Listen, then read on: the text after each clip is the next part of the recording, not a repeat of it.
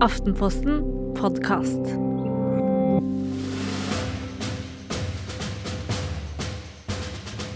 Den ene sønnen min er utrolig glad i eh, korpsmusikk, eller ulike marsjer, med sånn ordentlig bra takt. Så vi har egentlig 17. mai her hele året. De har to små flagg som de går og marsjerer med rundt spisebordet til eh, marsjer. Ja, all, alt mulig, både norsk og internasjonale brassband. Så jeg er ikke noe korpsmenneske sjøl, men det skaper mye glede og engasjement.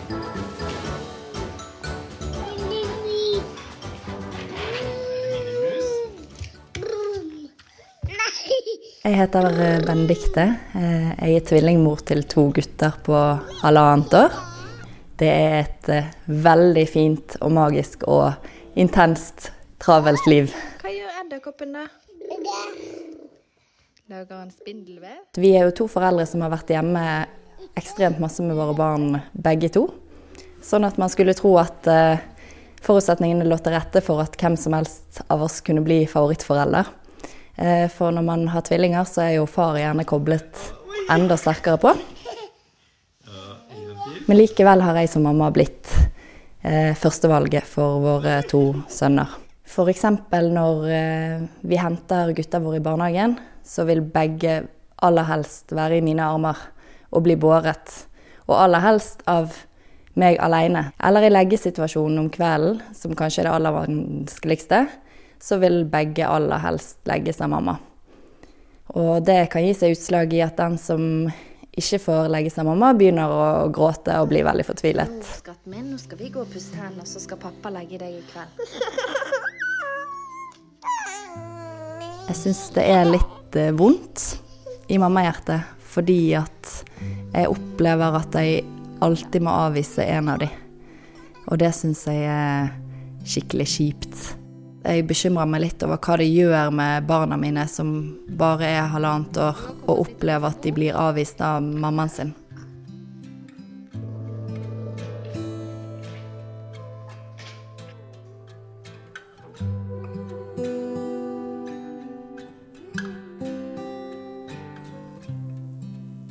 Nei, ikke pappa er eh, tittelen på denne episoden. Det kunne like gjerne vært mamma, for det kan skifte.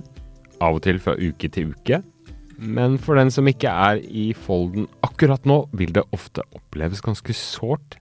Er ikke det riktig, Hedvig Montgomery? Vi snakker altså om favorisering her. Altså, det er jo helt merkelig. Eh, vi kan si at vi mennesker er laget for å bli elsket. Vi er konstruert for å bli likt.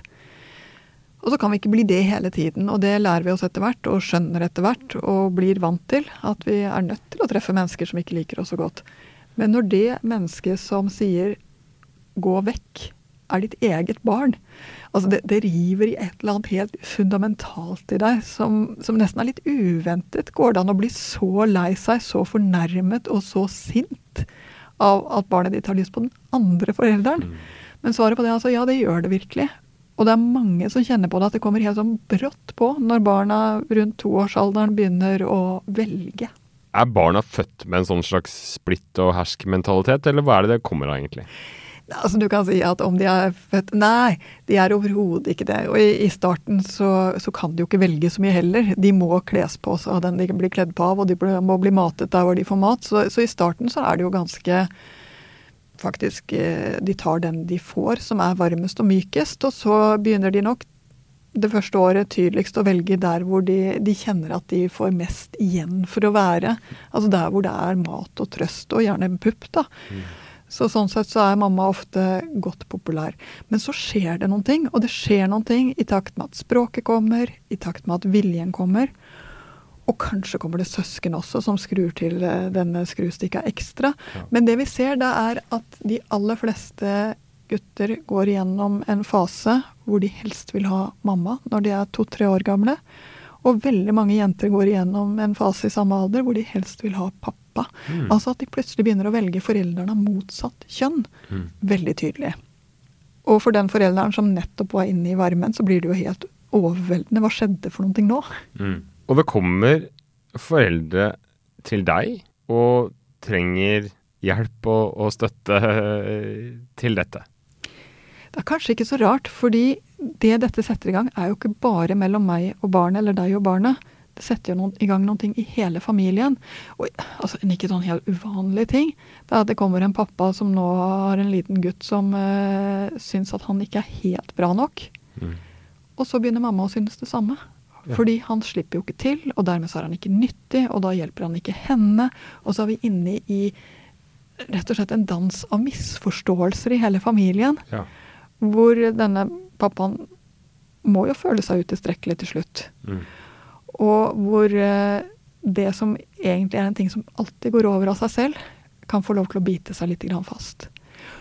Vi ser jo også, for all del, at eh, Og jeg treffer ofte mammaer som blir eh, Hvor barnet snur seg vekk, ikke vil ha det av henne.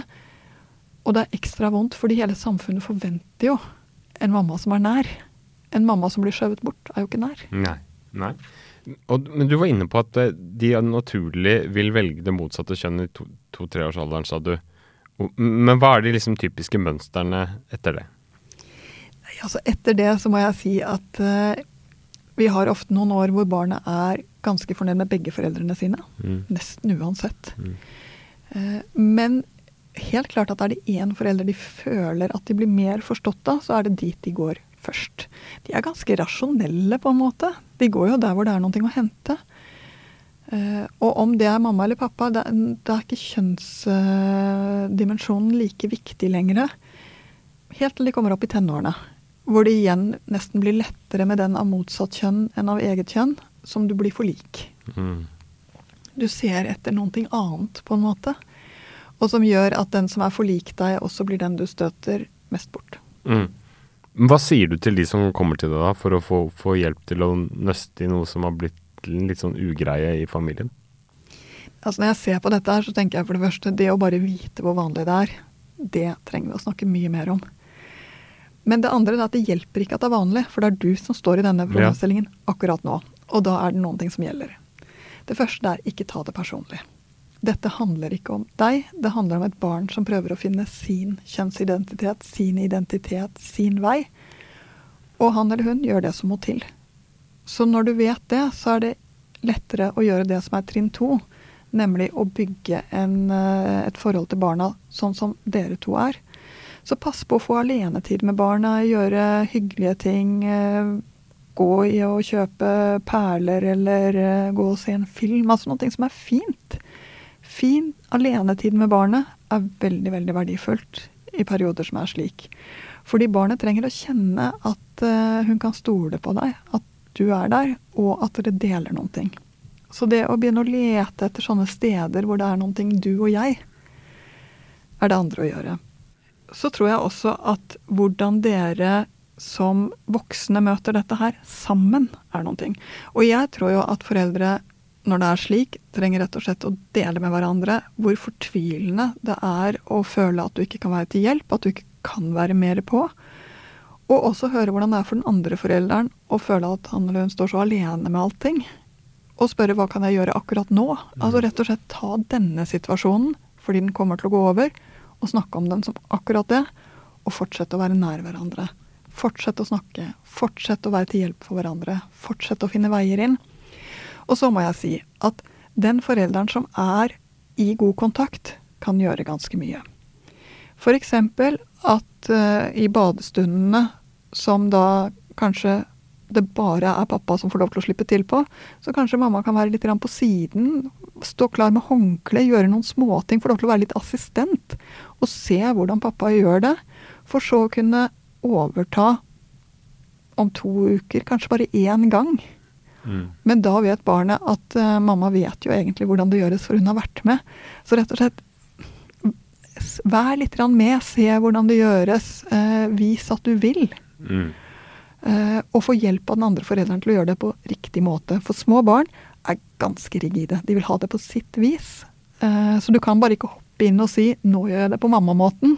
Du er nødt til å liksom begynne å lage til mammamåten ut fra den måten som er. Og så vil du etter hvert kunne lage mammamåten. Ja, men det føles jo litt sånn Skal man være så veldig tjenerskap, liksom? Altså eh, Det er ikke alle som føler at de liksom har tid eller orker liksom å stå to stykker og skulle dille og dalle med et håndkle der og sånn, bare for å, bare for å komme inn i Bli godtatt av sitt eget barn, liksom. Ja, det er, må jeg bare si at 20 minutter som denne badestunden kanskje tar, et par ganger i uka i to uker Vi snakker om en liten felles innsats som dere som foreldre gjør. Og kanskje, ja, trenger dere noe hjelp av noen venner eller noen besteforeldre som kan ta vare på andre barn mens dere holder litt på. Men det er et eller annet med å finne en vei ut av det fastlåste. Finne en vei ut av den der nei, ikke du-posisjonen som den eneste, til å si å ja, du også-posisjonen, som er den jeg ser etter. Jeg regner med at det krever at uh, foreldrene da er enige om at dette er et uh, lite problem, da, fordi at det, altså, det er jo deilig å bli likt. Uh, sånn at for den forelderen som blir favorisert, så er det ikke alltid like lett å se problemet ved situasjonen. For det er jo Ja. Det er deilig å bli likt, og det er deilig å bli valgt. Men det er også deilig å få hjelp. Mm. Uh, og det å få hjelp handler jo om å være to som uh, får lov til å hjelpe til. Så du har litt å vinne på å uh, svelge den første gleden over at det er du som blir valgt, og å trekke med deg den andre forelderen. For å bli litt mer konkrete. Typisk situasjon vil ofte være legging. Og det vil man jo gjerne få til på en smidigst mulig måte, og gjerne fordele på byrden, for å kalle det det. Hva gjør man når barna ikke vil bli lagt av en av foreldrene? Altså for det første, igjen, kjempevanlig. Barn vil ha det på sin måte, og så fort de kan begynne å velge å gi uttrykk for valg, så er jo det nesten en rus. De vil velge altfor mye. Dette er å velge altfor mye. Mm. Men har eh, jenta på to og et halvt bestemt at det bare er pappa som kan legge, mm. så tror jeg nok at mamma ikke kommer til å få til å legge før pappa går ut. Altså rett og slett ikke er hjemme. Mm. Eh, du må lage anledningen, og du må kanskje lage denne overgangen som vi snakket om i stad. At eh, mamma er med noen ganger når pappa legger, og ser hvordan det gjøres, liksom har vært litt bare rundt. Sånn at hun kan ta opp noen elementer, sånn at det ikke blir for brått nytt mm. når hun gjør det.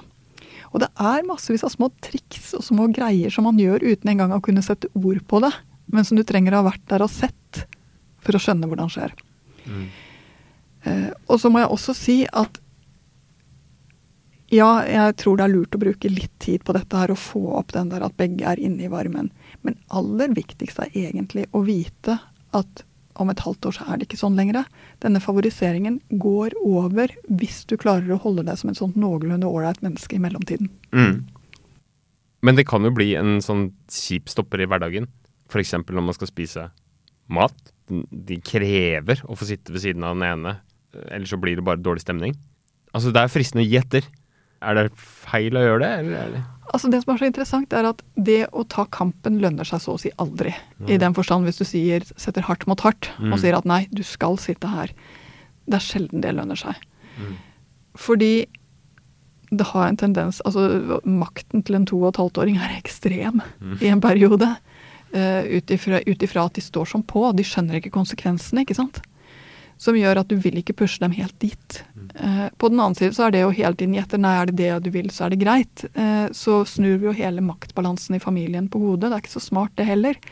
Men det å lete etter sånne mellomting ah, vet du hva, da kan du få sitte mellom oss. Altså lete etter sånne som gjør at, alle, at, uh, at barnet ikke alene har diktert løsningen. Det hjelper lite grann.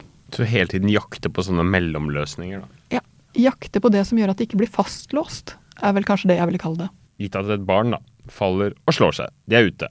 Begge foreldrene er til stede. Far eh, reagerer først. Men så roper barnet 'nei, mamma'. Skal pappa fortsatt trøste der? Fordi da kan jo mammaen virke litt sånn passiv og nesten sånn ignorerende, og liksom ikke eh, ta barnets eh, forferdelige øde på alvor.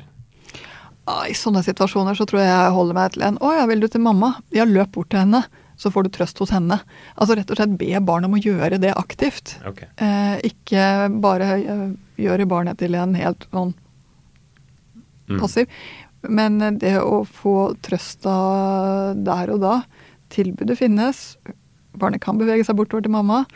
Er det det barnet vil, gjør det. Mm. Han kan få lov til det. Eh, men ikke lag massevis av oppstuss rundt det, eller gjør det større enn det det er.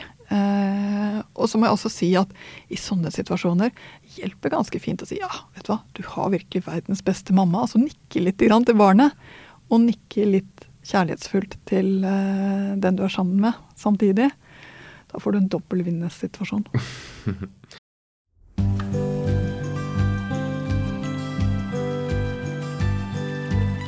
Vi etterlyste innspill til spørsmål eh, litt på sosiale medier, bl.a. i eh, Foreldrekoden-gruppa på Facebook, som det går an å melde seg inn i.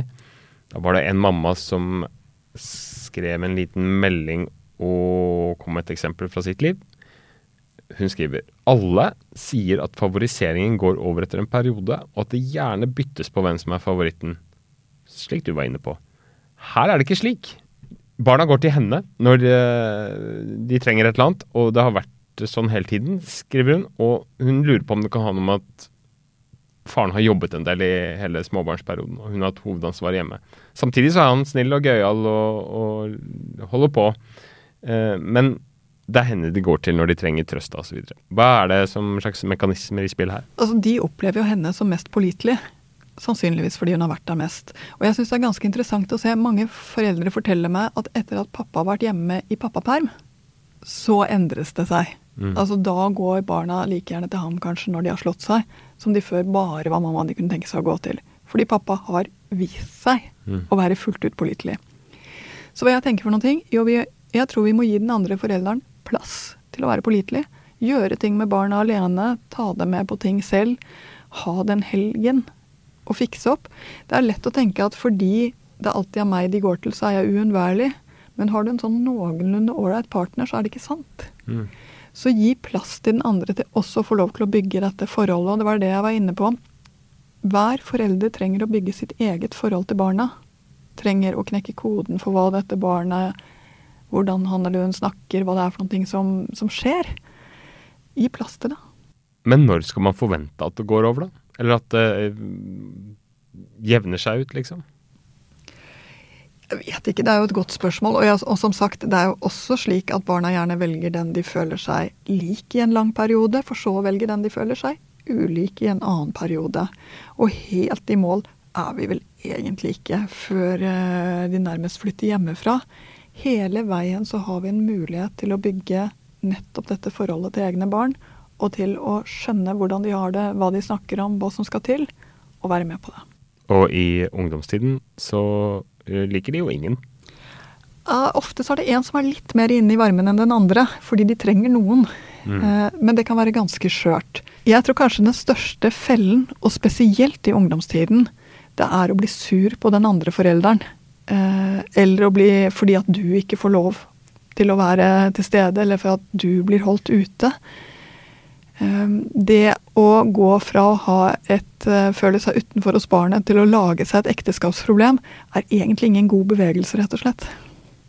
En annen situasjon hvor dette med favorisering er høyaktuelt, er jo når det gjelder barn med to hjem.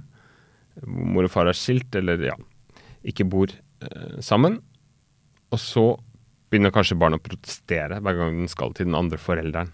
Og når konfliktnivået kanskje ligger på et litt høyere nivå i utgangspunktet. Ikke alltid, selvfølgelig. Det kan jo være motsatt òg. Hva er de typiske problemene som oppstår da? Altså, mange barn, ett av fem barn, opplever at foreldrene går fra hverandre. Det gjelder altså 20% av barna våre. Mm. Og da skulle man tro at det var lett. Men det blir aldri lett med en skilsmisse. Det vil komme nye problemer opp og igjen og igjen. Og jeg syns også det er litt interessant hvordan vi snakker om at voksne er blitt skilt. Det er liksom et punkt.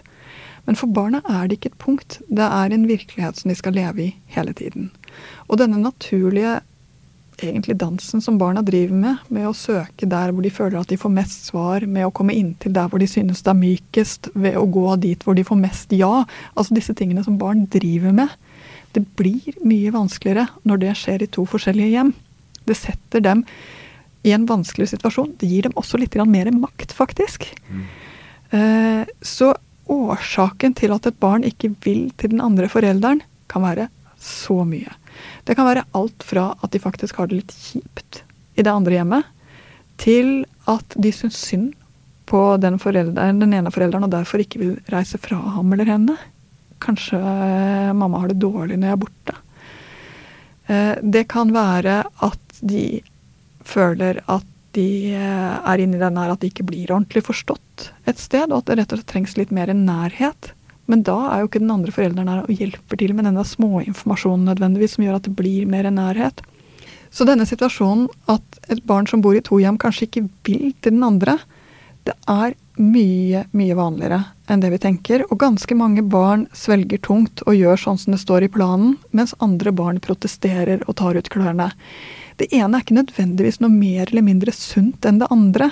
Jeg tror vi skal være ganske oppmerksomme på at vi ber barna om mye, og at jo mer vi voksne selv, om vi har bestemt oss for ikke å bo sammen, fortsette å oppdra sammen ved å hjelpe hverandre, spørre hverandre, også være med på denne lille lirkingen som noen gang trengs for at barnet skal få lov til å ha to foreldre på ekte jo mer vi klarer det, jo bedre er det for barnet. Men hva er liksom clouet for å møte det på en bra måte, da? I en drømmesituasjon, og nå må jeg bare si hver skilsmissefamilie er sin egen.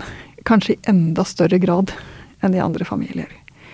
Men hvis du sitter der med en gutt som absolutt ikke vil til pappa, kanskje som tiåring, så kan du spørre ok, hva skjer? Altså rett og slett eh, få bare litt tak på det hos det litt større barnet.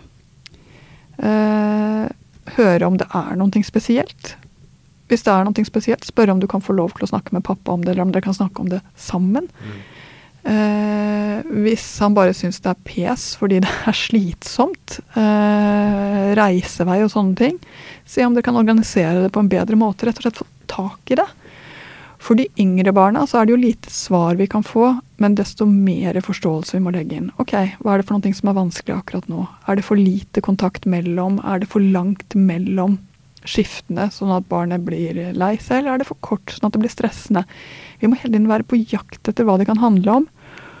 Og den evige i at den andre forelderen må få den plassen som skal til for å bygge dette forholdet få den informasjonen som skal til. Kunne ringe og si, vet du hva, jeg tror at uh, han akkurat nå syns det er kjipt eller vanskelig, jeg vet ikke helt hva det handler om.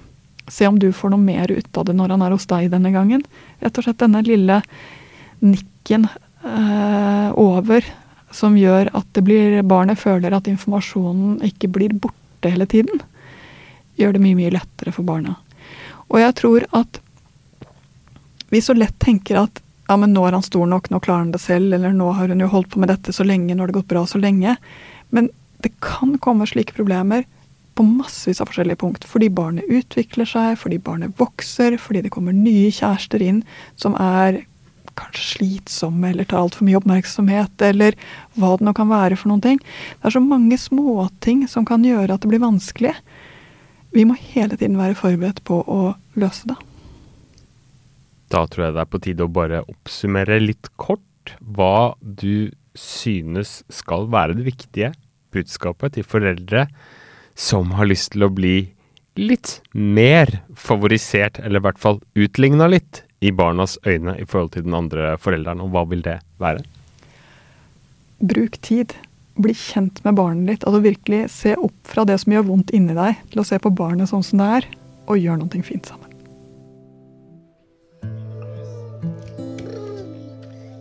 Det er liksom et luksus å være Det er en luksus å være den som er foretrukken, på en måte. Eh, det er noe utrolig fint ved det, som varmer langt ned i hjerteroten. Og så samtidig er det ganske krevende. Far eh, tar dette veldig fint, fordi at han fortsatt ser at han er en veldig viktig omsorgsperson for gutter som de løper til når eh, de slår seg, f.eks. Eller man kan jo si at den som ikke er foretrukket, får eh, litt mer space til å drikke kaffen sin mens han er varm, og, og sånne ting, som også er et privilegium når man er småbarnsforelder.